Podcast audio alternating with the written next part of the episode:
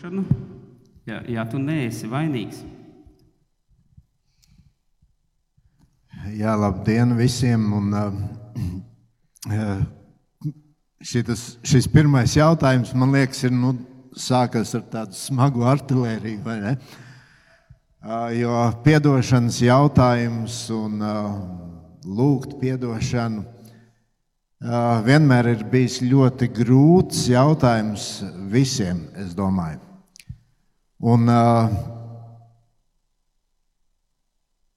protams, ja tā pavirši izlaša šo jautājumu, nu, nu, ja es neesmu vainīgs, nu, kāpēc man kaut kas ir jādara vai ne? Bet varbūt tam otram cilvēkam, nu, tu tomēr pašam neapzinoties, skaities vainīgs. Un, uh, Tad jau nu, vispār par piedošanu, par piedošanu domājot, man liekas, nekas nenodara vairāk sāpes cilvēku attiecībās, ja cilvēks dzīvo ar tādu rūkumu viens pret otru. To mēs varam izjust ģimenēs, to mēs varam izjust uh, attiecībās ar draugiem, to mēs varam izjust droši vien arī draudzēs un nu, darbā, vienalga kurā, kurā sfērā. Bet es domāju, ka šajā lietā mums visiem ir jābūt ļoti patiesiem. Ja mēs gribētu, gribam, lai šī lieta strādā, ka mēs lūdzam atdošanu un uh, saņemam šo atdošanu. Uh, te ir vajadzīgs būt cilvēkam ļoti patiesam. Un, uh, zin, citreiz ir tā, nu, mēs, um, uh, tas mūsu parastais uh, teikums ir tā, nu, Piedod, ja es esmu kaut kā tevi sāpinājis, vai ja es um, esmu tevi aizskāris, kaut gan mēs paši to neapzināmies. Faktiski jau mēs diezgan bieži uh, to darām, ka mēs lūdzam atdošanu, tad, ja mēs paši neapzināmies, uh, kad mēs esam vainīgi. Bet, manuprāt, um, uh, ir svarīgi Daudz svarīgāk ir Bībeles skatījumā tā otrā puse. Viena lieta, ka tu lūdz atdošanu, bet otra lieta, ka tu piedod. Un par to nu gan mēs Bībelē varam lasīt ļoti, ļoti daudz. Un, manuprāt, cilvēkam, kurš piedod, tas priekš viņa ir ļoti svarīgi un nozīmīgi. Es tikai vienu pantu nolasīšu no Mateja 6,15. Ja jūs cilvēkiem nepiedosiet, tad arī jūsu tēvs jūsu pārkāpumus jums nepiedos.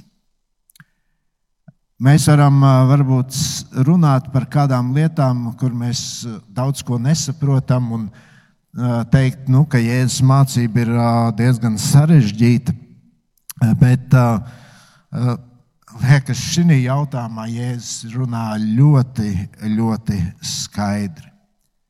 Viņš nesaka, ka nu, mums ir jāpiedod kaut kādi cilvēku grēki, kuriem nav kādi mīkstinoši apstākļi vai, vai mīkstinoši apstākļi, Bet Jēzus runā par to, piedodiet visu. Uh, un uh, Jēzus saka ļoti skaidri, ja jūs nepiedosiet, jums netiks piedots. Un, manuprāt, tas ir ļoti, ļoti svarīgi.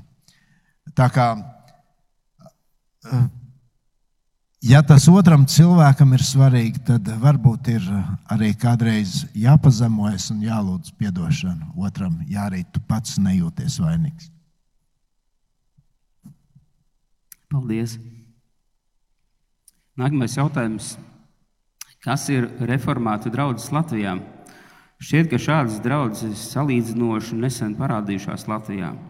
Un vēlējos jautāt, vai jūs varētu pastāstīt kaut ko vairāk par tām, kas šajās draudzēs ir labs un kas varbūt nav labs? Jā, labrīt arī no manas puses visiem. Um, es varētu šo jautājumu atbildēt. Um, reformātu draudzes Latvijā nav parādījušās nesen. Patiesībā reformātu kustība ir ienākusi īsi pēc uh, reformācijas Livonijā, kas ir principā 16. gadsimts. Jau tad šī, šo, šīs idejas, jeb šīs kustības piekritēji Latvijā ienāca. Un, um, 18. gadsimtā tika pabeigta, jūs varbūt zinat, vecrīgā Mārstaļa ielā ir tāda reformātu baznīca. Tātad jau 1733. gadā viņa tika pabeigta. Jālgavā tika uzcelta septiņus gadus vēlāk arī reformāta baznīca. Tā kā, nu, principā jau diezgan sen šī, šī kustība ir Latvijā pieejama. Un, um, Latvijā šobrīd es skatījos statistiku. Viņiem šobrīd skaitās trīs draugas tikai tāda neliela kustība, 300 cilvēki kopā. Un uh, visas šīs draugas arī ir Rīgā, tikai Rīgā. Jautājums te ir, kas ir labs un kas varbūt nav labs. Tas, protams, labs vai nav labs, tas tāds ļoti relatīvs jautājums ir, bet um, varbūt es varu īsti pastāstīt, kas tās atšķirības ir starp um, mums, baptistiem un, un reformātiem. Uh, Viena no lietām ir, ka viņiem ir kristības un vakarēdienas kā sakraments. Mums tā, tas nav, mēs viņu nesaucam par sakramentu.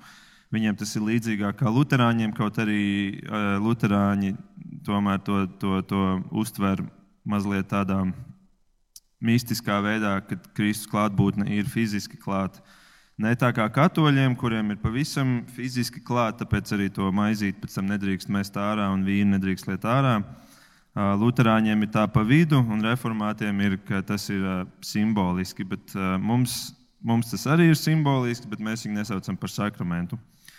Otra lieta ir, ka viņi krista bērnus, un viņi tic līdzīgi kā Lutāņi tam, ka Dievs savā derībā, ka tāda glābšana ir kā tāda derība, kura tiek piešķirta, un ka līdz ar to arī tas attiecās uz taviem bērniem. Un, līdzīgi kā Lutāņi, viņi to salīdzina arī ar apgaizīšanu. Tātad, tas ir kā tāds simbols, kas tev parāda, ka tā ir tava derība. Um, vienlaikus viņi tomēr arī uzskata, ka glābšana ir caur ticību un uh, tikai žēlastībā. Bet um, nu jā, tātad bērnu kristīšana tā ir tāda būtiska atšķirība. Viņiem uh, draudzene tiek veidota balstoties uz, uz vecajiem. Tātad ir veci, vecie, kuri, kuri pieņem lēmumus, un uh, kas man īstenībā liekas biblisks princips. Uh, mums, Baptistiem, ir padome un valde, kas ir vairāk kā tāds, varbūt, uh, nu, kā mūsdienās organizācijas uh, uzņēmumi veido savu, savu struktūru. Un um, varbūt vēl tāds pēdējais, tāda pēdējā atšķirība ir, ka viņu eskatoloģija, jeb izpratne par pēdējiem laikiem, um, māca, ka, viņi, ka, ka tā tūkstošgadu miervalstība, par kuru ir runa, piemēram, atklāsmes grāmatā, ka viņa šobrīd jau notiek. Tātad viss sākās jau tad, kad Kristus nomira pie krusta, un no tā brīža mēs dzīvojam jau tajā tūkstošgadu miervalstībā. Mēs uzskatām, ka tā ir tikai nākotnes miera valstība, tāpēc, ka Bībelē teikts, ka Sātans tiks iemests bedrē, viņš, viņam bedres vārti tiks aizslēgti un viņš tur tiks turēts uz tūkstotis gadiem. Mēs ticam, ka šodien Sātans plosās pa pasauli, nevis ir iespundēts bedrē. Nu tā, tie, tās ir tās varbūt galvenās atšķirības, bet tas, kas ir atkal labs vai kopīgais mums, ir tas, ka viņi uz, uzsver ļoti Bībeli kā to centrālo autoritāti, ko arī mēs darām. Um, viņu vispār konfesija ir balstīta uz Žānu Kalvinu, kurš uh, arī pirmais mā, mācīja un, un praktizēja uh, sludināšanu, kas ir rakstu skaidrojoša. Tātad skatāmies uz rakstiem un skaidrojam viņus sludinot uh, um, ko mēs arī mūsu draudzē uh, mēģinam praktizēt. Un, um, nu jā, un, un um, otrā lieta, varbūt, kas ir kopīga, ir, ka, kā jau minēju, tikko kalvinisms ir, tas, tā, tā viņa centrālā mācība mums, Baptistiem. Ir divi atzari, kalvinisma atzars un arminianisma atzars. Un, uh, kalvinisms ir bijis sākotnējais Baptistiem, tas pirmais. Uh, vienlaikus tas nav Tas nav tas hiperkalvinisms, ko māca um, reformāti. Hiperkalvinisms nozīmē, ka Dievs izradz vienus glābšanai un izradz arī otrus pazušanai, un ka viss ir noteikts jau nekādas izvēles nevienam nav.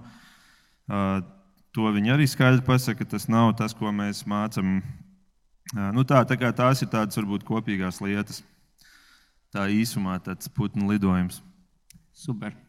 Tā kā tavā raksturojumā ir lidojums Tu spēji pateikt. Paldies. Nākamais jautājums. Mēs katru vakaru pasakāmies par kaut ko, kas dienā labs noticis. Un mans bērns vienā brīdī paprasa, bet, par, eh, bet par ko Dievs pasakās? Vai Dievs par kaut ko pasakās? Zinu, ka Bībelē Jēzus ir pateicies, bet Dievs tēvs? Bērni uzdod labus jautājumus, vai ne? Jā, un Es domāju, mums vajadzētu tādu jautājumu un atbildžu dievkalpojumu par to, ka bērni uzdod jautājumus, un mēs varētu atbildēt. Vai ne? Kā jūs domājat? Jā. jā.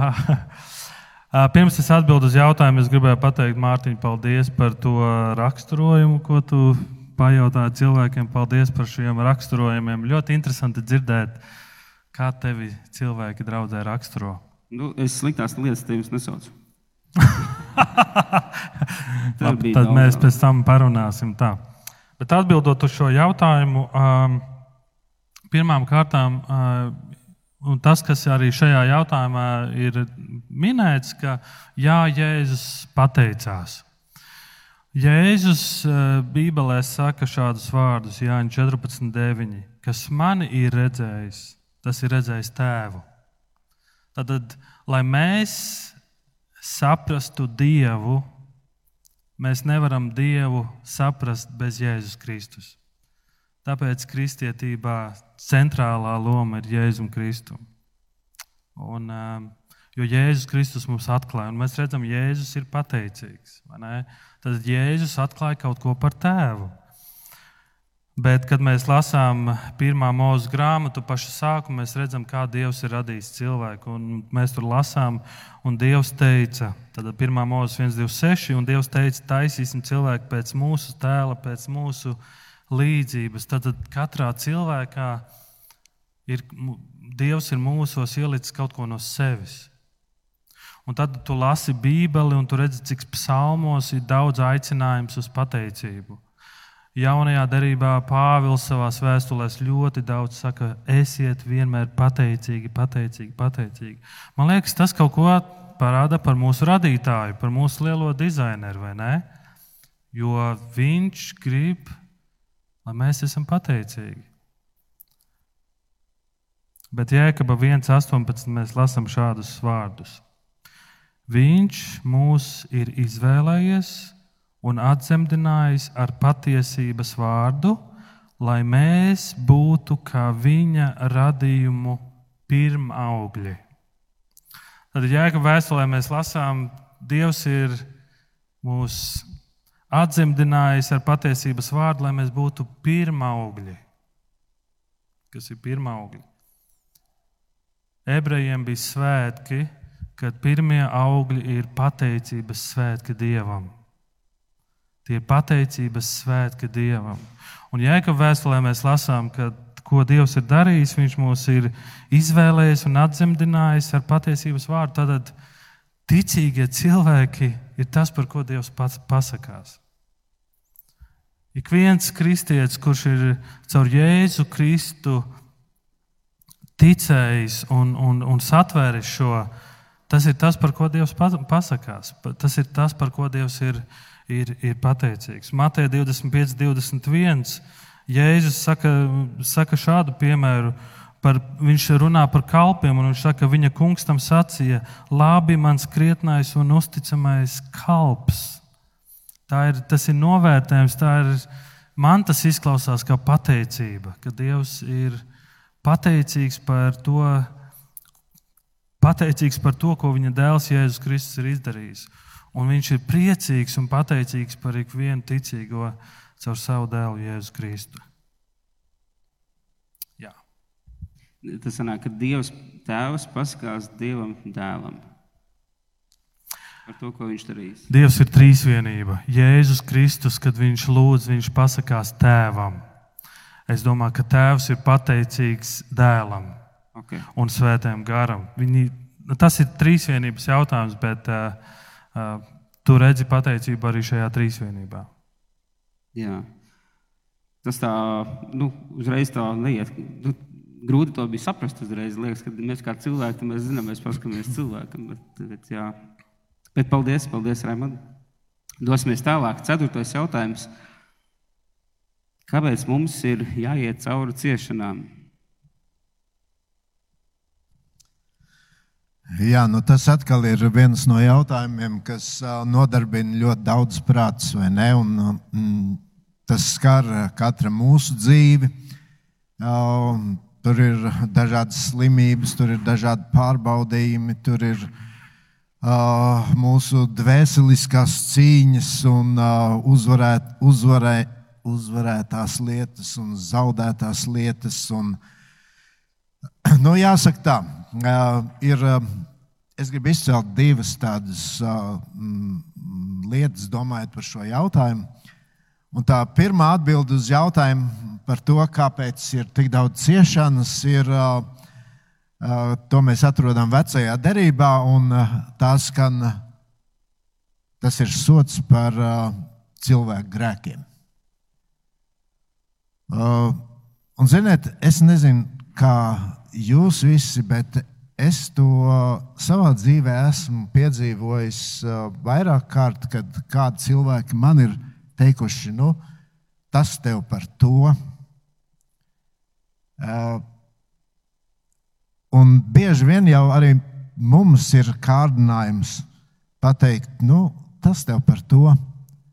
Bet um, es gribētu teikt tā, ka šo lietu gan mums vajadzētu atstāt katra cilvēka paša personīgā uh, saskarē ar Dievu, atrast šo atbildi, atbildu šo jautājumu. Uh, tu vari Dievam jautāt, uh, varbūt Dievs tev uzreiz to atbildi neiedos, bet um, noteikti to vajag Dieva priekšā nest un pajautāt par šīm lietām. Bet um, tad ir vēl tā otrā atbilde, un uh, arī to mēs atrodam jau vecajā derībā, un tā ir Ijaba grāmata, uh, kur mēs lasām uh, par to, ka ciešanas ir pārbaudījums. Uh, no vienas puses, lai pārbaudītu arī, kā mēs Ijaba gadījumā redzam, šo Ijaba taisnīgumu, viņu palikšanu uzticīgam Dievam.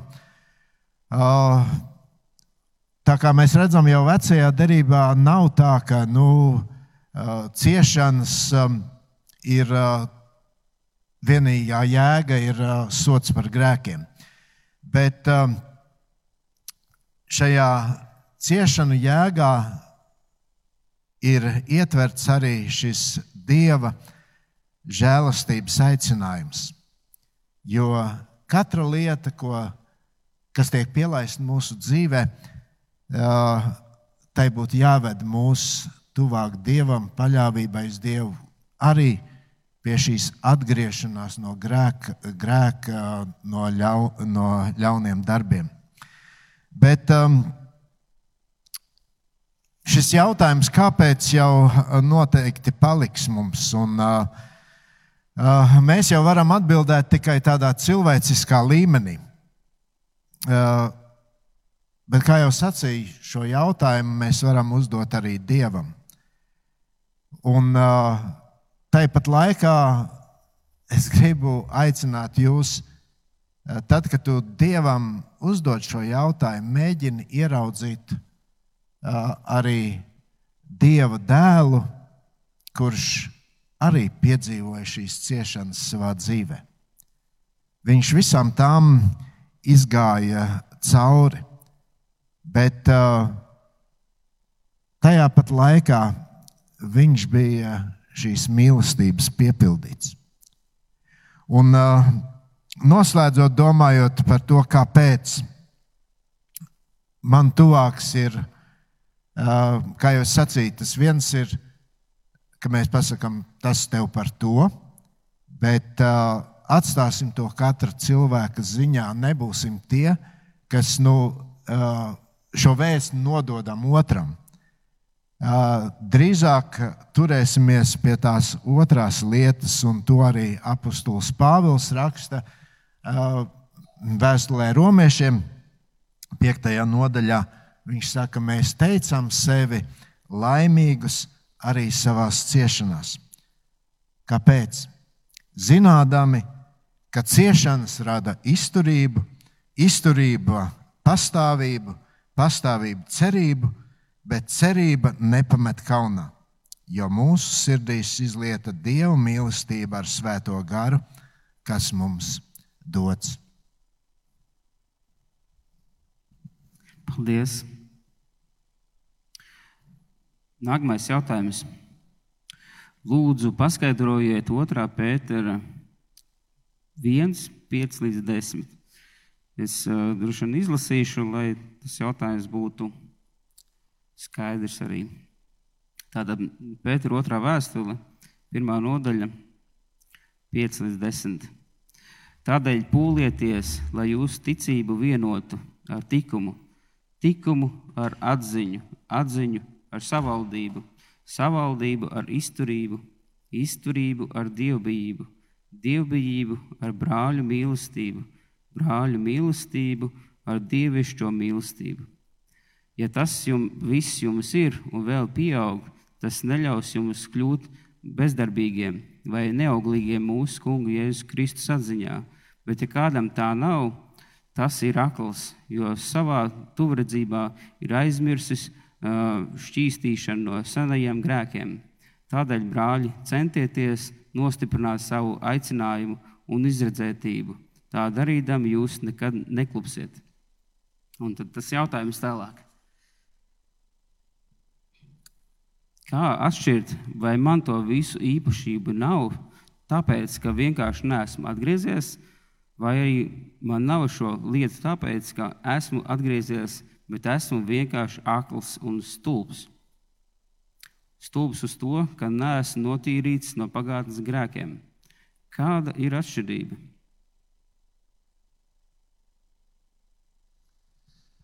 Jā, nu, paldies par jautājumu. Un, man prieks redzēt, ka ir jautājumi arī par, par Bībeles tekstiem un, un, un saprast, kā tas teksts atbilst man un attiecās uz mani, uz manu dzīvi. Jautātājs šeit iekļāvis divus variantus. Tātad jautātājs saka, vai nu es esmu atgriezies, vai arī es neesmu atgriezies. Es domāju, ka teksts mums dod trīs variantus, nevis tikai divus. Tas teksts, ko, ko nolasīja Mārtiņš, um, principā pasaka, ka vai nu tu praktizē šīs lietas, un tu esi tiešām atgriezies, vai arī tu viņas nepraktizē, jo neesi atgriezies. Tad tie arī tie divi varianti, kas ir šeit minēti. Bet trešais variants ir, ka tu viņus nepraktizē, kaut arī tu esi atgriezies. Jā, tātad tu viņus nepraktizē, bet tu patiesībā esi atgriezies. Un šādai trešajai kategorijai Bībele dod arī savu, savu nosaukumu, un viņa šādus cilvēkus sauc par garīgiem bērniem. Tātad garīgs bērns, kurš ir atgriezies, bet viņš vēl neparāda to izaugsmi, kādu, kādu Bībele sagaida vai kādu viņš pats sagaidītu no sevis. Tā kā ir šīs trīs daļas, un tad tas jautājums ir, kurā tad es esmu. Tas noteikti katram cilvēkam jāvērtē pašam sev. Bet fakts jau vien, ka jautātājs uzdod šo jautājumu, ka viņam rūp šī, šis status, kādā viņš ir. Viņam rūp tas, ka Bībele kaut ko pasaka, un viņš neredz to savā dzīvē. Es domāju, ir ļoti laba zīme tam, ka, ka šis cilvēks, nu, ka viņai kaut kas iekšā ir mainījies. Viņai ir svētais gars, kurš viņu mudina domāt par šo jautājumu nopietni. Jo tas, kurš nav glābts, viņam tas būs diezgan vienalga. Viņam galvenais ir, kad viņš, ka viņš sauc Jēzu par, par savu glābēju, bet uh, viņam īsti nerūp, ko Bībele saka. Viņam īsti nerūp, um, vai, vai tas, kā viņš dzīvo, atbilst tam, ko, ko Bībele saka, kā vajadzētu cilvēkam dzīvot. Tāpēc fakts, ka šis jautājums ir uzdots un ka šīs jautājums rūp, es domāju, ir, ir laba zīme. Bet iespējams, ka atbilde ir tā, ka tu iespējams esi tajā trešajā. Um, nu, līmenī, kur es nosaucu. Ja, ka tu vienkārši vēl esi garīgs bērns. Varbūt tu esi ticīgs jau daudzus gadus, bet tas nenozīmē, ka tāpēc tu nevari būt garīgs bērns. Es domāju, ka daudz kristiešu, kuri ir jau ilgi um, ticībā, bet viņi varbūt ir uh, neveselīgā vidē, kurā nemāca Bībeli, bet māca vairāk tādu nu, uz, uz sajūtām, uz emocijām, veidotu mācību, kā tas šodien ir ļoti populāri. Tā ir tāda nelabvēlīga vide. Tas ir neveselīgs ēdiens, kuru tu ēd dien dienā, un tāpēc tava izaugsme ir kaut kādā veidā iebremzēta. Savukārt, tur, kur tu ēd garīgu, stipru barību, veselīgo mācību, tur, tur tev tā izaugsme veidosies. Un, nu, tāpēc es domāju, ka, ka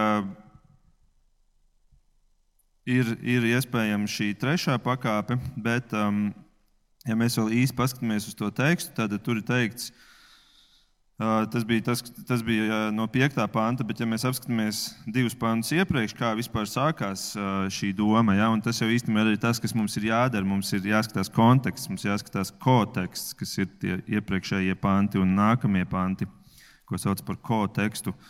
Um, tur ir teikts tā, Viņa dievišķais spēks mums ir dāvinājis visu mūsu dzīvībai un dievbijībai vajadzīgo.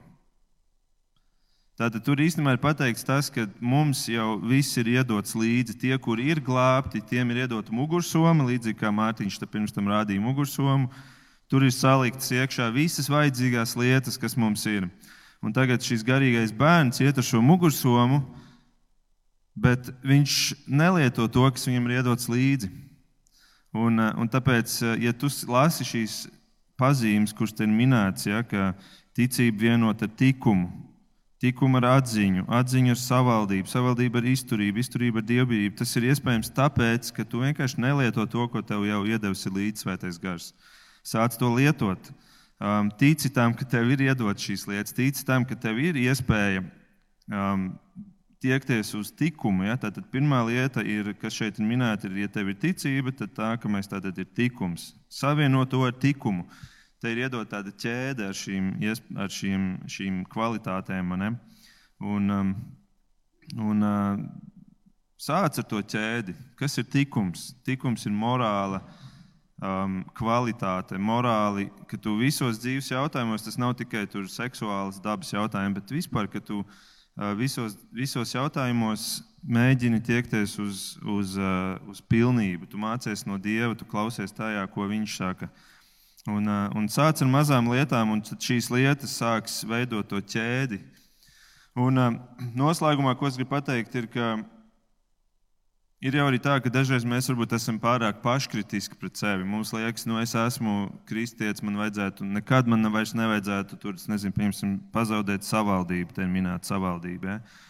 Un, ja es pazaudēju savaldību, vienalga vienreiz pat trīs gadiem, tad nu, es, esmu, es esmu nožēlojams kristietis.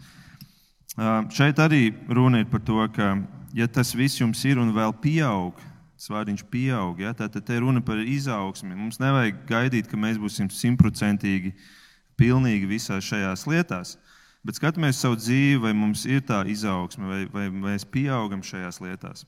Un, ja svētais gars ir mūsos un mēs esam glābti, tad mēs nožēlosim to, ka mēs esam pazaudējuši to savaldību, vai ka mēs likumības jautājumā esam paklupuši. Mēs to vienkārši nožēlosim, jo mums iekšā ir jaunā sirds, svētais gars ielikts, un viņš mums liks atkal piecelties. Un, un, um, ilgtermiņā, paskatoties uz savu dzīvi, mēs redzēsim, mums ir izaugsme. Varbūt mēs gribētu, lai viņi būtu straujāki, lai viņi būtu ātrāki, bet, bet um, nesagaidām, ka šajā dzīvē mēs spēsim sasniegt visus simt procentus. Nu, tā apmēram. Wow, super, paldies! Dodamies tālāk. Sastais jautājums. Kādas ir jūsu domas par Denijas Džonsonas mācību? Paldies par jautājumu. Iespējams, biznesa cilvēks ir uzdevis šo jautājumu. Iespējams, ka nē. Kādas ir manas domas par Denijas Džonsonas mācību? Um, ir ļoti grūti izteikt domas, ja es nekad neesmu bijis uz Denijas Džonsonas semināriem. Tas, ko es internetā atradu, Denija Džonsona ir amerikāniete, viņa ir biznesa sieviete.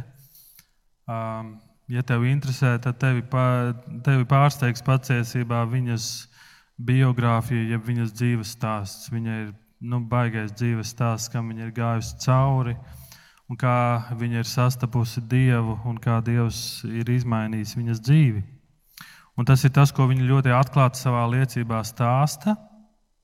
Un, uh, bet Dēnija Džonsona ir multimiljonāre.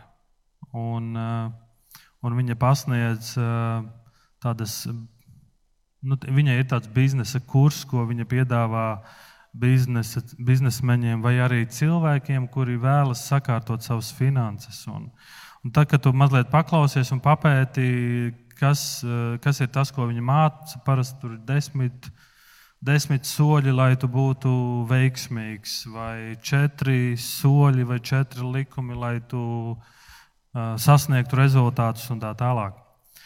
Tā biznesa vidē, es domāju, ka tādam biznesa cilvēkam tādas vērtīgas lietas, un es runāju ar kādiem cilvēkiem, ko tu par to domā, un, un es esmu dzirdējis, ka kādiem cilvēkiem viņas lekcijas ir palīdzējušas tikt galā ar parādiem ar finan, finanšu ziņā, tiešām kaut kādi soļi, kaut kādi noteikumi ir ļoti, ļoti palīdzējuši no biznesa viedokļa. Taču tāpat laikā viņa, eh, ir, viņa sevi ļoti atklāti pasludina kā kristieti. Un, un, eh, un eh, esmu dzirdējis, ka viņa arī cenšas pastāstīt evaņģēliju savā lekcijās vai aicināt cilvēkus to, par to domāt. Bet viņas lekcijas ir arī saistītas ar psiholoģiju un, un, un, un tā tālāk. Bet, ja jautā par mācību, tad es teikšu godīgi, um, es neesmu ļoti iedziļinājies. Man grūti pateikt, kur viņa stāv savā teoloģijā. Es teiktu, tā vienmēr no šādiem, kas, man, kas mani personīgi dara uzmanīgu, Jo šobrīd ir tāda self-help tāda kustība. Self-help nozīmē nu, pašpalīdzības kustība. Lūk, šo, šīs lietas dari, un tad tu sev palīdzēsi, un tad tu sasniegsi virsotnes un tā tālāk. Ļoti populāri šodien. Un tās ir lietas, kas mani mazliet dara uzmanīgu. Uh, bet uh, es mēģināju internetā atrast, kurā draudzē viņa iet. Jo, pieņemsim, ja man jautā jautājumu, ko tu saki par viņas mācību. Es domāju, es paskatīšos, kurā draudzē viņa iet un kas ir tas, kam šī draudzene tic. Tas ir viens no veidiem, ko mēs daram, varam darīt. Um, es neatradu, kurā draudzē ir. Es neatradu, iespējams, es pārāk maz meklēju, vai Google nedod pietiekamu uh, rezultātu un tā tālāk. Un līdz ar to es gribētu atbildēt mazliet citādāk uz šo jautājumu. Jūs cilvēks varētu arī jautāt, ko jūs domājat par Toniju Robinsonu, ko jūs domājat par to viņa mācību, par viņa mācību. Tāpēc, tad, kad uzdod šādu jautājumu, ir svarīgi, ka uh, tas, ko Bībele saka, ir svarīgi uzdot jautājumu, kā tad es varu pārbaudīt mācību. Un es gribētu četras lietas iedot. Pirmkārt, Bībele aicina skatīties uz šīs personi, personas augļiem. Bībele mums saka, skaties uz viņa augļiem dzīvē. Jā, sieviete tur, biznesmene kaut kur ārzemēs, varbūt. Jā, viņa arī ceļo pa pasauli, ir ceļojusi pa pasauli. Un, un, eh, bet varbūt es no viņas dzīves daudz ma maz ko redzu, bet tas ir tas, ko Bībele aicina. Skaties uz augļiem dzīvē, skaties uz uzvedību. Mateja 7. Uzmanieties no viltus praviešiem, tie nāk pie jums aviju drēbēs, taču no iekšpuses tie ir plēsīgi vilki. jūs viņus pazīsiet pēc augļiem. Tad, ja tu uzdod šo jautājumu, kas ir viņas mācības, skaties uz viņas dzīves augļiem. Es zinu, ka Denija Džonsona ļoti daudz ziedo labdarībai. Tā ir laba lieta. Tas ir tāds labs auglis, ko tu vari redzēt šīs personas dzīvē. Otrā lieta - pievērs uzmanību doktrīnām, pievērs uzmanību tai pašai mācībai. Un svarīgs, svarīgs aspekts. Ja tu kā kristietis savā dzīvē nepievērs uzmanību Bībeles mācībai vai doktrīnām, tev būs ļoti grūti izvērtēt un saprast, kur šī cilvēka, kur šī persona stāv. Un 1. Jāņa 4. Mīļotie, neticiet katram garam, bet pārbaudiet, vai tie ir no Dieva. Un, un tas ir aicinājums pārbaudi. Mums katra patiesībā mācība ir jāpārbauda salīdzinot ar Jēzus vārdiem. Trešā lieta - pievērst uzmanību, vai persona pakļaujas Bībeles mācībai. Pāvils saka 1. korintiešiem 14. Ja kāds domā, ka viņš ir pravietis vai apveltīts ar gara dāvanām, lai atzīst to, ko es jums rakstu, jo tā ir kunga pavēle. Pāvils citiem vārdiem saka, ja kāds domā, ka viņš ir apveltīts ar gara dāvanām, tad viņam ir jāatzīst apstuļu mācība. Apstuļi ir tie, kas sarakstījuši jauno derību. Tad, ja persona pakļaujas jaunās derības mācībai, tad tas ir labi. Tad tā ir laba zīme. Tad tā ir mācība, kura, kurā, kurā tu vari klausīties. Un ceturtā lieta - pievērs uzmanību, vai persona sludina evaņģēliju. Ja tev ir jautājums par Deniju Džonsonu, ja tu klausies viņas lekcijas, paklausies, kas tas ir par evaņģēliju. Un, ja viņa sludina evaņģēliju, kas tas ir par evaņģēliju? Mēs gājām cauri vēstulē romiešiem, un mums draudzē jau būtu jāzina, ne, ka persona tiek taisnota caur ticību Jēzum Kristum. Ja tiek sludināts evaņģēlījis, ka tikai caur darbiem tev ir jādara, jādara, jādara, tu sasniegsi un tu tiksi glābts, tas nav evaņģēlījis, ko sludina uh, jaunā derība. Tad šīs četras lietas ir tās, kas tev palīdzēs izvērtēt arī turpmāk, domājot par to, kas ir šī par mācību. Tāda būtu mana atbilde. Wow, paldies! Septītais jautājums. Vai esat domājuši par to, kāpēc Dievs tomēr tik mazai daļai cilvēku dod šo jauno dzīvo sirdi, kas spējīgi viņam atsaukties? Katru dienu dzīvojot sekulārajā pasaulē, lieluma lielā daļa cilvēku ir vai nu vienaldzīgi, vai atklāti naidīgi pret Dievu un kristietību. Es saprotu, ka tas ir mūsu grēcīgās dabas dēļ, un ja Dievs savā žēlastībā nebūtu izredzējis daļu, no cil daļu cilvēku, kas tiks caur Jēzu glābti, mēs visi aiziet pazušanā. Vai Dievs Bībelē atklāja, kāpēc izredzēto būs tomēr tik maz, vai arī man jāsamierinās ar savu māla statusu, kas savam podniekam neko nejautā?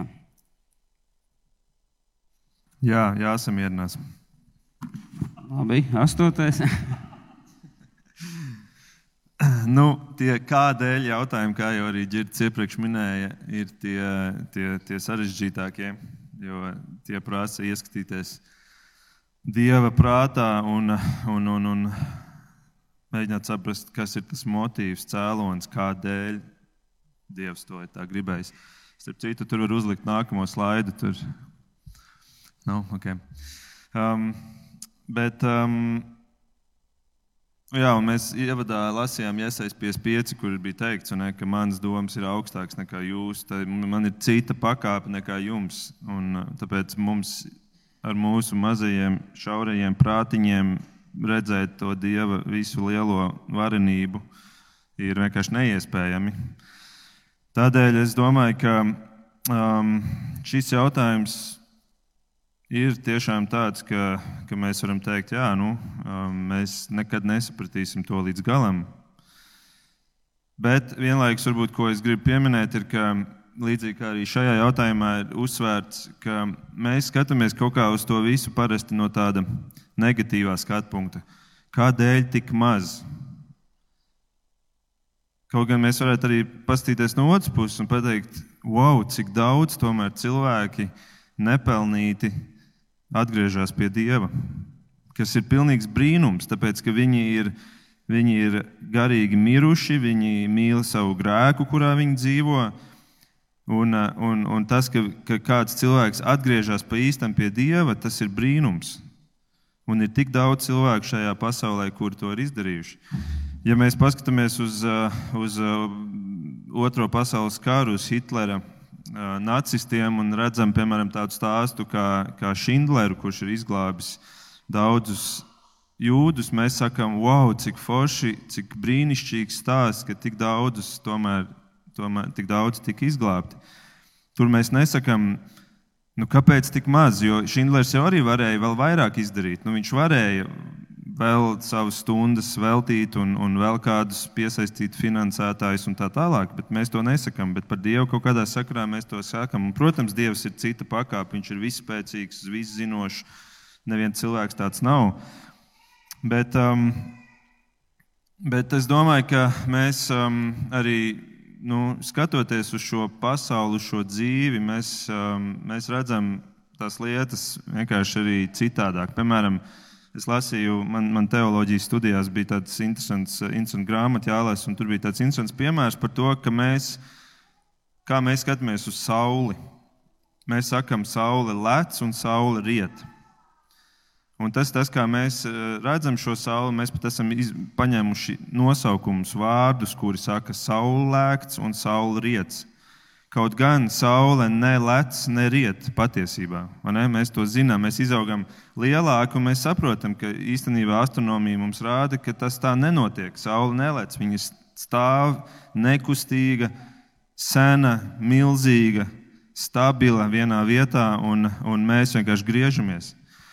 Un man liekas, ka šeit ir līdzīga ar to mūsu izpratni par šiem jautājumiem, ka mēs redzam šo dzīvi no sava skatu punkta, bet um, lielais Dievs vienmēr ir stāvējis ar savu lielo, stabilo prātu. Un, uh, un viņam ir zināmi kāpēc, visi tie jautājumi, kāpēc viņš um, ja, dara šīs lietas tā, kā viņš to dara. Kāpēc viņš ir uh, savā lielajā plānā paredzējis to, ka no visiem, kas būs izvēlējušies grēkot un šī grēka dēļ miruši garīgi, kāpēc viņš tomēr kādus izvēlās piecelt augšā. Un, um, un, un es zinu, šajā brīdī daudzi saka, nu, tas ir tā, ir, tā, tā ir, tā ir nezinu, netaisnīga teoloģija vai netaisnīga mācība. Ja? Mēs gribam drīzāk ticēt tam, ka cilvēkam ir tā brīvā griba un viņš, viņš atsaucās savā gudrībā. Bet par to jau ir šī uh, raksturvieta, ko jautātājs arī jautā. Ka Pāvils to parāda. Viņš saka, Romiešiem 9. Tā nu Dievs, kuru grib to apžēlo un kuru grib to nocietina. Tu man varbūt jautās, kādēļ viņš vēl nosoda, kas tad var stāvēt pretī viņa gribai? Bet cilvēki, kas tu tāds esi, ka runā pretī Dievam? Vai tad veidojums var sacīt savam veidotājam, kādēļ tu mani tādu esi veidojis? Vai tad podniekam nav varas pār mālu, ka viņš no, sa, no vienas un tās pašas pikas gatavo vienu trauku godam un otru negodam? Bet ko tad, ja Dievs gribēdams parādīt savu dusmību un savu varu, lielā lēnprātībā ir pacietis iznīcībai paredzētos dusmības traukus un parādījis savas godības bagātību par žēlastības traukiem, ko viņš jau iepriekš sagatavojis godībai? Tāpēc Pāvils šo raksta tieši tāpēc, ka mēs gribam sacelties pret šo domu.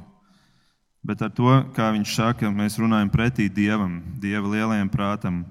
Un, um, mēs, kuri ticam Dievam, mēs varam vienkārši teikt, paldies Dievam par šo milzīgo žēlastību, ka mēs ne savas gudrības dēļ, bet uh, tavas žēlastības dēļ varam ticēt tev. Tas ir liels brīnums un slavu Dievam par to. Paldies! Nākamais jautājums. Padalieties, lūdzu, ar kādām garīgām cīņām jūs katrs sastopaties savā ikdienas dzīvē, personiskajā draudzes kalpošanā, un kā jūs viņas izcīnāt? Nu, kādu laiku esmu klusējis, un uh, tad uh, varbūt uh, jautātājiem liekas, nu, nu, jā, nu, tur mācītājs, viņš jau, uh, viņam pie dieva blatiņš, un te jau uh, viņam daudz cīņas iet garām, bet, uh, nu, diemžēl jau tas tā nav. Un, uh, man patīk tas Markus teiktais salīdzinājums, ka faktiski nu, mums plecos tiek uzlikta mugursoma, kurā ir viss iekšā, lai ietu šajā pasaulē un lai nu, arī cīnītos. Un Dievs jau nav teicis nekur, kad um, mums nebūs šīs cīņas jāizcīna. Vēl jau vairāk mēs lasām 1. pētera 5.8. Tur ir teikts, esiet skaidrā prātā, esat modrīgi. Jūsu pretinieks vēlns staigā apkārt kā lauva rūkdams un meklē, ko tas varētu aprīt. Un kā jebkurš cilvēks, arī es savā dzīvē sastopos ar šīm garīgajām cīņām. Un, man, priekš manis vienmēr ir bijis nu, tā cīņa, ar ko ir jāizcīnas. Jāizcīna tas, ka esi tas, kas tu esi. Paliec tas, kas tu esi, un uh, vispirms atceries, tu esi Kristus apžēlots. Un uh, tu esi Kristus aicināts. Ziniet, uh, tā ir lieta, ko Sātans cenšas nepārtraukti tevi izšaubīt. Un dažādos veidos gan caur cilvēkiem, ar kuriem tu sastopies, un tad tev brīžiem liekas, nu, kāpēc man viss šis uh, met to visu malā un, un uh, tā kā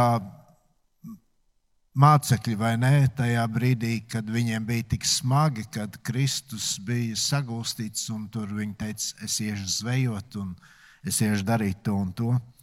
Bet paliec tas, kas tu esi un eh, esi patiess. Un uh, tad uh, vēl nu, es domāju, ka mm, priekš manis tāds ļoti labs padoms ir, ko dod apustulis Pāvils. Mēs to lasām vēstulē korintiešiem. Viņš saka, es norūdu un kalpinu savu miesu, lai citiem sludinādams es pats nekļūstu atmetams. Un, uh, es domāju, ka tas ir ļoti svarīgi priekš jebkura kristieša, un, jo tā mūsu miesa, tas miesīgais cilvēks jau ir tendēts uz to, ka viņam patīk dažādas lietas, un, un te ir jautājums par to, kā, ko mēs šajā cīņā, ar ko mēs katrs sastopamies, ko mēs uh, noliekam par savu prioritāti. Mums vienmēr būs laika jautājums. Bet kas ir tā prioritāte arī maja, manā garīgajā dzīvē? Uh, un uh, tā cīņa, tā garīgā cīņa jau sākas tad, kad tu esi ar Dievu, tad, kad tu esi lūkšanā un vispirms jau šo cīņu uzticis Dievam, apzinoties, ka tavi spēki var būt arī par vājiem, lai šo cīņu uzvarētu, bet Dievs ir tas, kas tev šo spēku apsola un dod. Jā, nu te bija jautājums katram, kas varbūt tā īsi kaut ko tādu, kas skar gan man personisko, gan draugu dzīvi, un tās ir lūkšanas. Es tā, varbūt, um, nu, ja mēs lietojam to vārdu cīņa, tad tā cīņa ir vairāk lūgt par tādām lietām, kas ir arī tāda ikdiena, un, uh, un, un arī, protams, par, par draudzes cilvēkiem vienkārši vairāk lūgt, vairāk lietot to resursu, kas arī ir ielikts tajā mugursomā. Ne, mums viņš ir līdzi, bet, uh, Bet uh, tas, tas kārdinājums ir, man liekas, tas, ka mēs, es arī jūtos pašpietiekams. Man liekas, ka es pats varu lietas atrisināt, izdomāt un, un savā gudrībā tur atrisināt. Un, Bet mēs, mēs redzam, ka pat ēdenē Ādamam un Ievam, Ādamam un Ievai bija, bija šī pati problēma, ka viņi jutās pašpietiekami. Tad, kad nāk šī čūska, kārdina viņus, viņi nevis aiziet pie Dieva un varbūt nu, uzdod jautājumu, vai tas ir pareizais lēmums, vai nu, griežās pie viņa, bet viņi domā, ka jā, nu, viņi tagad pie, pieņems, pieņems pareizu lēmumu. Un, Un tas apbrīnojamais ir tas, ka tajā brīdī viņi pat vēl nav grēkā krituši. Tad mēs varam teikt, mēs grēkā kritušie, grēcīgajā miesā dzīvojošie, mēs jā, esam tie, kuri jūtas pašpietiekami un, un, un grēkojam, neprasot dievam viņa viedokli. Bet, bet redziet, to jau cilvēki pirms grēkā krišanas jau darīja. Un, un, un tāpēc tā ir tāda lieta, kur, jā, kur es domāju, es pats savā dzīvē būtu daudzās jomās efektīvāks, ja es biežāk uh, lietotu šo, šo iespēju lūgt Dievu un prasīt viņam gudrību. Es domāju, ka mani var izlaist. Man tur ko tur par cīņām? es teiktu, tā personiskajā ir daudz cīņas, bet viena no tām ir tas cīņa ar to, ka cīņa ar to, ko cilvēki domā par tevi. Un, tā ir mana cīņa. Un, kad bieži vien, nu jā, kad bieži vien tu domā, ko cilvēki padomās, vai arī kad tu saproti, ka tā saruna būs, kur tā sarunā jāiet mazliet, nu tā nebūs ērta saruna, vai ne, bet tu varbūt mēģini izvairīties no kaut kādām sāpīgām lietām tikai tāpēc, ka tu domā, ko padomās par tevi, vai kā cilvēks jutīsies. Tā ir mana personīgā, viena no personīgajām cīņām. Draudzes ziņā cīņa ar laiku. Ah, es negribu, lai cilvēki domā, ka Raimons ir aizņemts un tāpēc nav vērts viņu pat, ar viņu pat runāt, tikšanos vai ko tādu. Un, bet eh, tā ir viena no lietām, cīņa ar laiku. Kalpošanā nepazaudēt fokusu uz māceklību. Jā, ik pa laikam es to pamanu, kad pazūd tāds fokusēts. To aizmirst, to bieži vien pavēlu, ko Kristus aicina, iet un dariet par mācekļiem. Draudz, mēs to nedrīkstam aizmirst. Mums ir jāpamana cilvēki, mums ir jāiegulda cilvēkos un ļoti mērķiecīgi. Un mums jāmācās mācekļot. Un tā ir tāda varbūt trešā cīņa. Kā es ar to cīnos? Es lūdzu Dievu Es izsūdzu grēkus Dievam, es izsūdzu grēkus uh, kādiem tuviem cilvēkiem, brāļiem. Un, uh, mēs ar sievu lūdzam, es savai sieviņai dalos.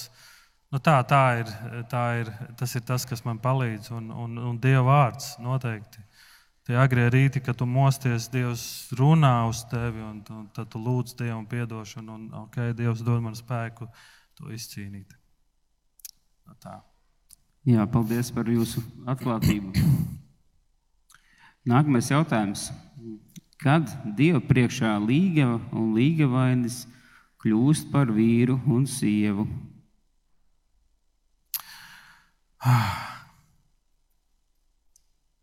Mīļā draudzene, mēs gribam, lai jūs zinat vienu lietu. Mēs jūs ļoti mīlam. Mēs jūs mīlam un uh, Bet tad, kad mēs sakām, mēs jūs ļoti mīlam, mēs saprotam, ka mūsu atbildība ir arī skaidri pasludināt to, ko Dievs par to saka. Ne tikai tas, ko mēs domājam, kā mums šķiet, bet ko Bībele par to saka un māca. Un tad, kad es atbildu šo jautājumu, es gribu, lai jūs dzirdat un saprotat, ka mēs jūs mīlam. Un, Dievs ļoti, ļoti personīgi runāja uz mani, kad es lasīju šo jautājumu. Un, uh, viena no tendencēm un lietām, ko es pamanu šodien, uh, ne tikai jauno cilvēku dzīvēs, bet arī šī laika pasaules mācība un, un viss, ko pasaule mūsos ieliek, ir radījusi tādu tendenci, ka ir ok uh, seksuālas attiecības pirms laulībām Un ļoti, ļoti pamanu tendenci starp jauniešiem, kas saka, es esmu kristietis, bet dzīvo kopā tā, kā dzīvotu laulībā. Un, un tad, kad es kaut ko tādu redzu, personīgi man tas ļoti sāp. Un es redzu, ka uh, es patiesībā redzu tādu vājumu pazīmi. Es redzu, ka jaunie kristieši, ne tikai jaunie kristieši, ir ļoti vāji kristieši, jo viņi zina to, ko Dievs saka. Lielā, nu, labi, es teiktu, daudzi zina, ko Dievs saka, ko Bībele māca, bet nespēja to izdzīvot. Kad Dieva priekšā līgava un līgavainis kļūst par sievu un vīru, par vīru un sievu, Marka 10.9 ir rakstīts šādi vārdi. Tādēļ, ko Dievs savienojas, to cilvēkam nebūs šķirt. Marka 10.9. Atver Bībeli, izlasi to. Ko Dievs savienojas, to cilvēkam nebūs šķirt. Tas jautājums, ko mēs varētu uzdot, kurā brīdī Dievs savienojas? Kurš ir tas brīdis, kad Dievs savieno? Kāds varētu teikt, es jau nezinu, es, mēs, ar, mēs dzīvojam kopā, mēs pārguļam, mēs esam savienoti. Es atceros, viens jaunietis pie manis atnāca un teica, mums nav vajadzīga laulība. Mums, mums tas nav vajadzīgs, jo mēs jau esam Dievu priekšā savienoti. Pastāstiet, ko tas nozīmē, kā jūs esat savienoti. Mēs pārgulējām. Well, un tad man bija diskusija ar šo jaunieti, un, un, un tad es viņam mēģināju paskaidrot patiesībā, ko tas nozīmē. Un, bet šī savienošana notiek, kad mēs veidojam tādu izšķirošu derības solījumu, ko mēs dodam viens otram. Es tevi mīlēšu līdz priekos un bēdās, līdz nāve mūs šķirs. Tā ir, tā ir vienošanās, tas ir solījums, ko tu dod otram. Tas ir solījums, ko tu dod Dievam. Un es ticu, ka tas ir tas brīdis, kad Dievs savieno. Tas ir tas brīdis, kad Dievs savieno divus, divus cilvēkus, kuri saka, mēs, es tevi mīlēšu līdz nāvim uz šķiršu, lai, lai, lai Dievs man palīdz. Un, uh, Tad, kad es lasu Bībelē, es lasu, ka, un jūs noteikti esat dzirdējuši to, ka Jēzus, atcerieties, Jēzus salīdzināja Sodomu ar Gomoru ar citām pilsētām. Un Jēzus saka, ka Sodoma un Gomorai būs vieglāk tiesas dienā nekā šīm pilsētām. Nekā šīm pilsētām. Un tas, ko es redzu šodien, tendence, kas notiek ne tikai eh, ne, tendence, ko es redzu daudz jauniešu dzīvēs, ir. Es domāju, kā es to varētu raksturot, un es to varētu raksturot ar vienu vārdu, tā ir prostitūcija. Un patiesībā ar jēzus vārdiem es varētu teikt, tiesas dienā prostitūtām, kas stāv uz ielas un grib stāv uz ielas, lai izdzīvotu un lai nopelnītu naudu, būs vieglāk nekā tiem, kas seksojas pa labi, pa kreisi pirms laulības dzīvo kopā, it kā jau būtu uh, laulībā un tā tālāk. Un, un, uh, Piemēram, Jāzeps un Marija. Nu, Jāzeps uzzina, ka Marija ir stāvoklī. Jūs atcerieties, kāda bija Jāzepa reakcija? Jāzeps teica, viss, es iešu no šīs sievietes prom, jo viņai ir bērns. Ja viņai ir bērns, tad tas nozīmē, ka viņa ir bijusi ar vīrieti. Un tur Matejā evanģēlijā rakstīts, ka Jāzeps bija taisns vīrs. Viņš gribēja atstāt Mariju, un tad Jāzepam eņģelis sapnī saka, neatstāj, jo tas bērns ir no svētā gara. Jāzeps ir taisns vīrs, un tur rakstīts, viņš bija sadarināts, bet viņi vēl nebija vīrs un sieva. Un mēs jau šeit redzam tādu praktisku piemēru. Viņi bija sadarināti, bet viņi nebija vīrs un sieva, viņiem nebija seksuālas attiecības. Viņš bija taisns vīrs. Šodien mums ļoti pietrūkst taisni vīri. Šodien mums ir ļoti daudz vāji vīri. Vāji vīri, kas nespēja uzticēties un paklausīt tam, ko Dievs saka, ka Dievs dara labāk, Dievs darīs vislabāk. Bet Jēzus Kristus ir tik labs, viņš ir tik piedodošs. Viņš saka, nāc pie manis, nožēlo, atgriezies, maini savu dzīves gājumu. Uzticies Dievam. Piedodiet par tādu emocionālu atbildi, bet uh, tā ir mana atbilde uz šo jautājumu. Paldies! Desmitais jautājums. Kas ir apgrēcināšana pēc Mateja evaņģēlīja 18.6? Jā, nu, pats jau šis jautājums un šis vārds ietver nu, to virzienu, vai ne, ka tas ir kaut kā saistīts ar grēku. Un, ja mēs apskatītos vārnīcā, ko nozīmē šis vārds, tad um, tur viens variants ir citu pavadināšana un pamudināšana uz grēku, maldiem, ļaunām domām par cilvēkiem un dievu. Bet um, Nu, man jau man patīk tā praktiskā pieeja Dieva vārdam, un, un tāpēc es uz šo pantu gribu paskatīties tā ļoti vienkārši. Un, un tā, tāpēc es gribu nolasīt ne tikai šo pantu, bet um, arī kādu pantu, kādas pantus iepriekš, jau no pirmās, pirmā panta, 18. nodaļa Matejas evaņģēlijā. Tajā pašā laikā mācekļi gāja pie Jēzus un vaicāja, Kas tad ir lielākais debesu valstībā? Jēzus pieaicinājis kādu bērniņu un nostatījis to viņu vidū, sacīja: Es jums saku, patiesi, patiesi, ja jūs, ja jūs nemaināties un netopat kā bērniņi, jūs neieiesiet debesu valstībā. Tad nu ik viens, kas pats to pazemīgs kā šis bērniņš, ir lielākais debesu valstībā. Un kas uzņem vienu šādu bērniņu manā vārdā, tas uzņem mani bet kas apgrēcina vienu no šiem vismazākajiem, kas tic uz mani, tam būtu labāk, ka tam piesietu dzirnu akmeni pie kakla un to noslīcinātu jūras dziļumā. Vai pasaulē apgrēcības dēļ? Apgrēcībai gan jānāk, bet vai tam cilvēkam, caur ko tā nāk? Un, uh, tas pirmais, kas man izlasot šo rakstu vietu, nāk prātā, ir vecāki, cik ļoti mēs esam atbildīgi par saviem bērniem. Kas ir tas, ko mēs ar savu dzīvi parādām saviem bērniem, ko viņi paņem? Un cik bieži ir tā, ka Tu pēc tam vari viņiem lasīt bērniem Bībeles pantu pēc Bībeles pantu un raudāt un lūgties un teikt, bet nedari to, ko šie bērni redz mūsu dzīvē.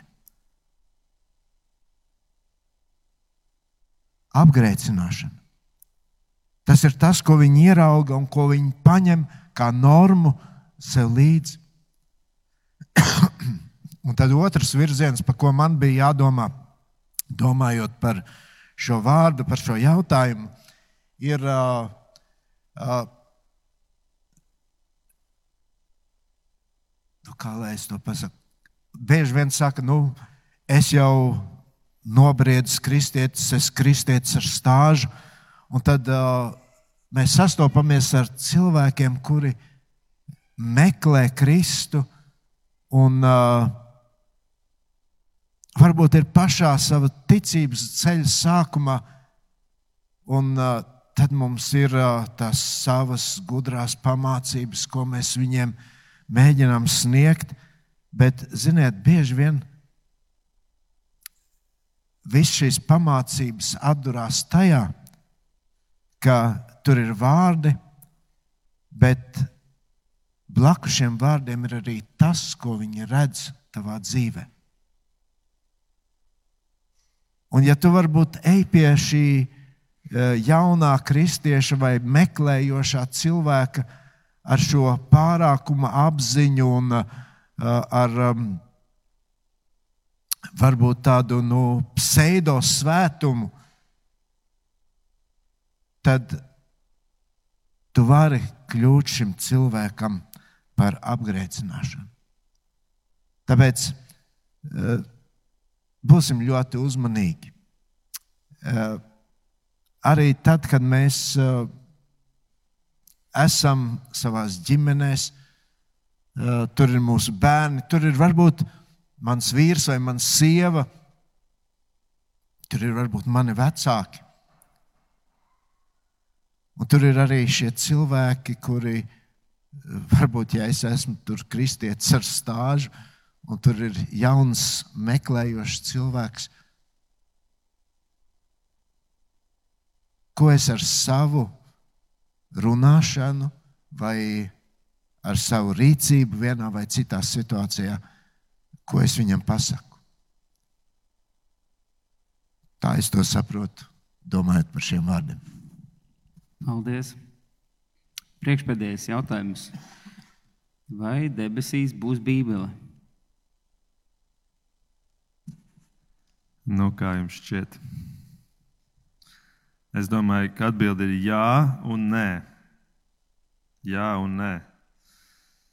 Nē, sāksim ar nē, nē jo nu, debesīs, es domāju, vispār vairs nav, nebūs vajadzības īsti pēc grāmatām, vismaz ne tādām arī papīra formātā un, un, un tam līdzīgi. Mēs tur lietas sapratīsim pilnīgi atzīsim, ka vairs īsti nebūs vajadzības pēc mācību materiāliem. Bet uh, otra atbilde - jā, Bībele būs debesīs, tomēr ne savas grāmatas formā, jo vispār vārds Bībelija ir grāmatas, grāmata, grāmatas. Um, un, uh, un, un, un līdz ar to šajā gadījumā mēs neskatāmies uz to tik daudz kā uz grāmatām, bet mēs skatāmies uz to kā uz Dieva vārdu uz Dieva vārdu. Jāņa evanģēlīja pirmajā nodaļā ir teikts, ka iesākumā bija vārds, vārds bija pie Dieva, un vārds bija Dievs. Un tad mēs 14. pantā redzam, un vārds tapa miesa.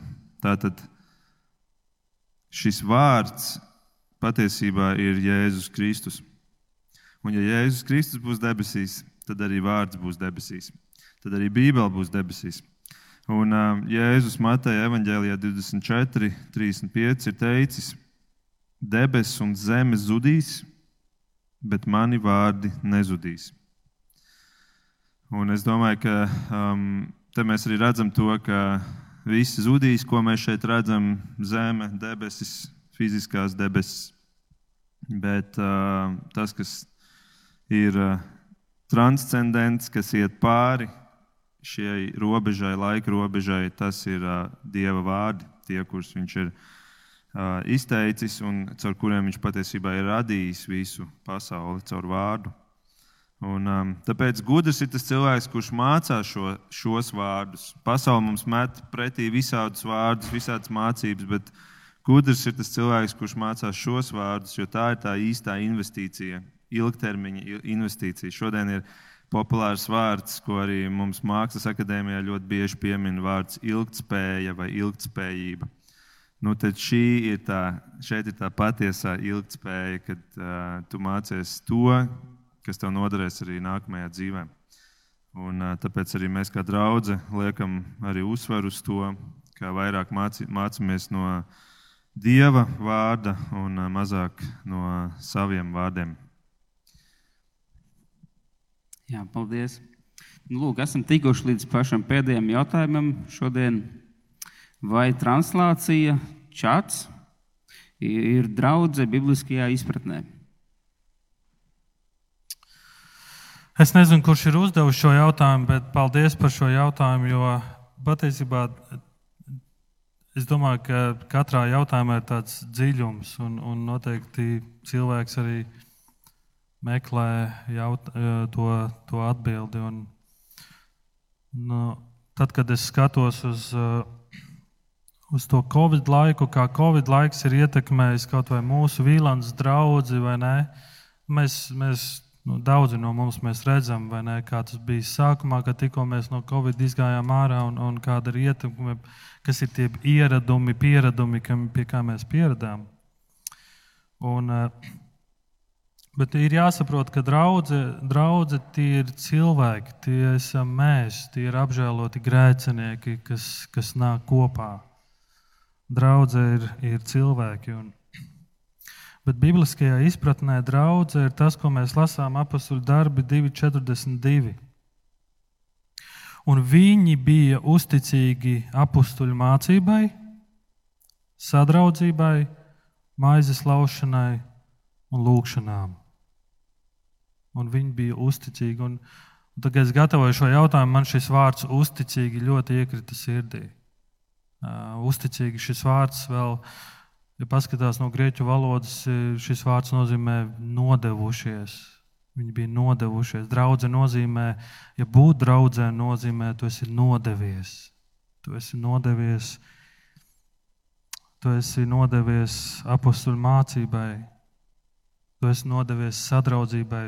Mēs esam nodevušies viens otram, maizes laušanai un lūkšanām. Un, uh, Bet vai translācija un čats ir draudzene bibliskā nozīmē? Jā un nē.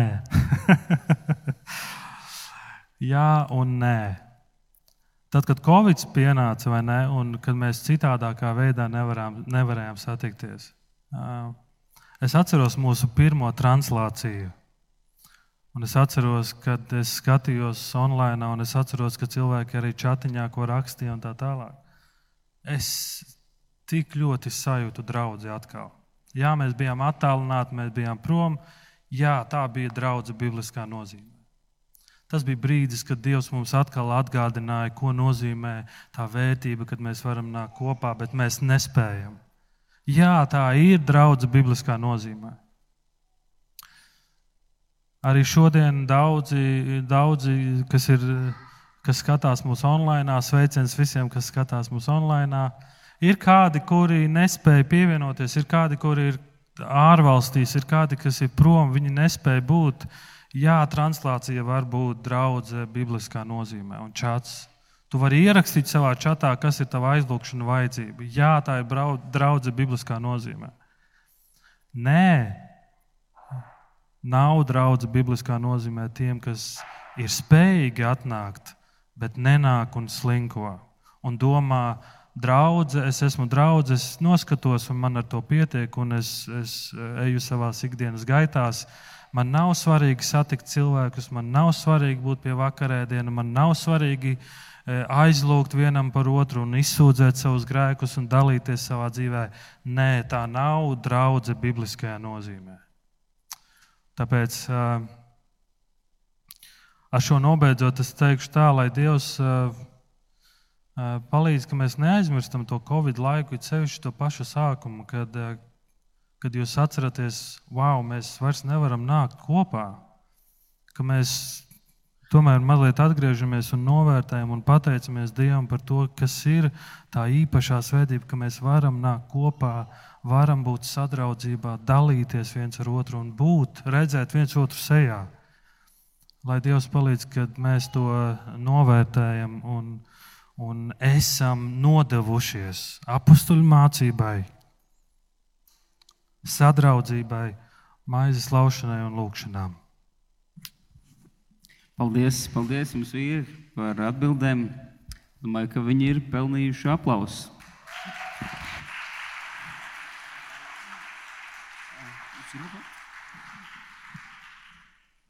Ja jums gadījumā bija sajūta, ka uz šiem jautājumiem netika varbūt atbildēts no jūsu skatu punkta, tad noteikti jūs varat uzrakstīt viņiem personiski, papildināt mazliet, lai viņi papildina jums. Viņi būs ļoti priecīgi un uh, ir bijuši tādas reizes, jūs nebūsiet pirmie, kas jautā pēc tam papildu jautājumus. Cik ir dzirdēts, ir ļoti priecīgi par šādiem papildus jautājumiem, ja pēc tam jums uh, ir vēl kaut kas vajadzīgs zināt.